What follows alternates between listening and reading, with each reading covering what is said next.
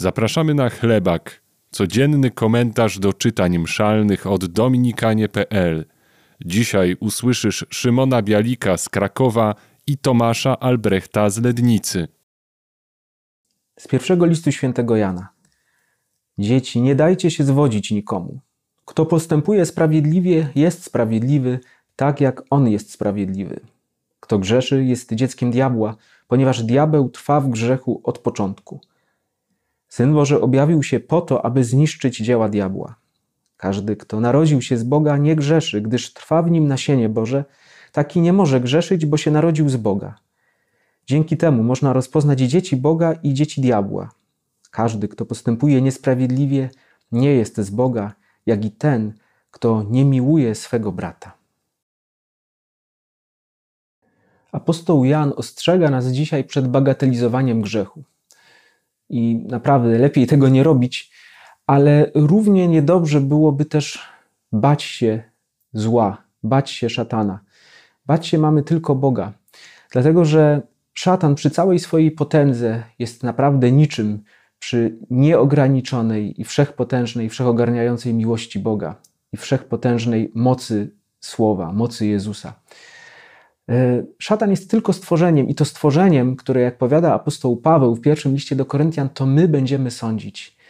A jak w innym miejscu, w drugim liście do Tesaloniczan, również ten sam e, apostoł Paweł pisze, jest e, tym, którego Jezus powala tchnieniem swoich ust. Jest tak słabym przeciwnikiem. Wyobraźcie sobie taką scenę w kontekście bokserskim, że dwóch pięściarzy staje naprzeciwko siebie i ten jeden pada na deski tylko z tego powodu, że y, drugi y, tchnął na niego, dmuchnął na niego i on już leży na deskach. Taka jest dysproporcja między mocą Bożą a mocą złego, mocą szatana. Dlatego ufajmy i nie bójmy się, ale grzechu nie lekceważmy.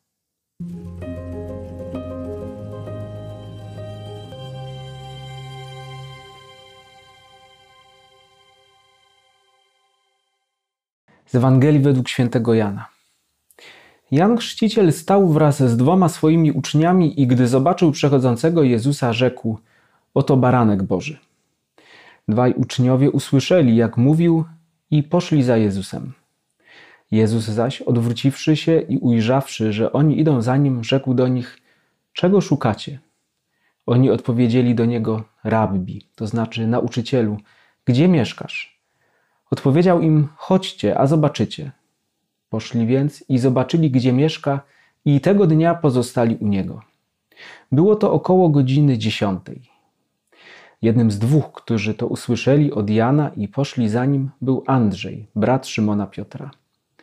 Ten spotkał najpierw swego brata i rzekł do niego: Znaleźliśmy Mesjasza, to znaczy Chrystusa. I przyprowadził go do Jezusa. A Jezus, wejrzawszy na niego, rzekł: ty jesteś Szymon, syn Jana. Ty będziesz nazywał się Kefas, to znaczy Piotr. Uczniowie Jana zwracają się do Jezusa, nazywając go rabbim, nauczycielem. Funkcja rabbiego w Izraelu była niesamowicie ważna. Był on wykładowcą Tory, prawa, autorytetem religijnym, czasami pełnił także rolę sędziego. Cieszył się poważaniem, był niekiedy porównywany do ojca rodziny. Ci dwaj uczniowie, którzy zwracają się do Jezusa tytułem rabbi, widzą w nim mędrca, który może ich wychować w mądrości Bożej. Dalej uczniowie pytają Jezusa, gdzie mieszkasz?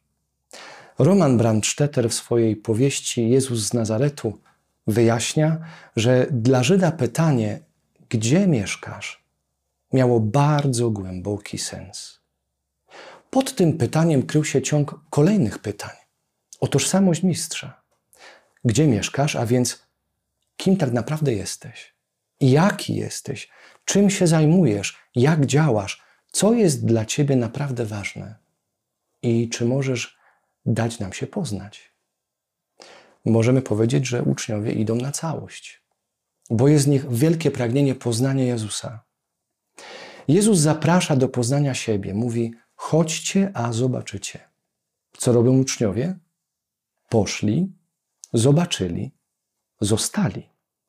Trzeba pójść za Jezusem, zdecydować się, żeby go poznać, posłuchać i na podstawie tego doświadczenia podjąć decyzję o pozostaniu u niego. Czego może nas nauczyć dzisiejsza Ewangelia? Na pewno tego, że czasami trzeba zobaczyć na nowo we własnym życiu to, co najważniejsze Jezusa, baranka. Później trzeba pójść, zobaczyć i pozostać, i ucieszyć się z odnalezienia albo z zostania odnalezionym.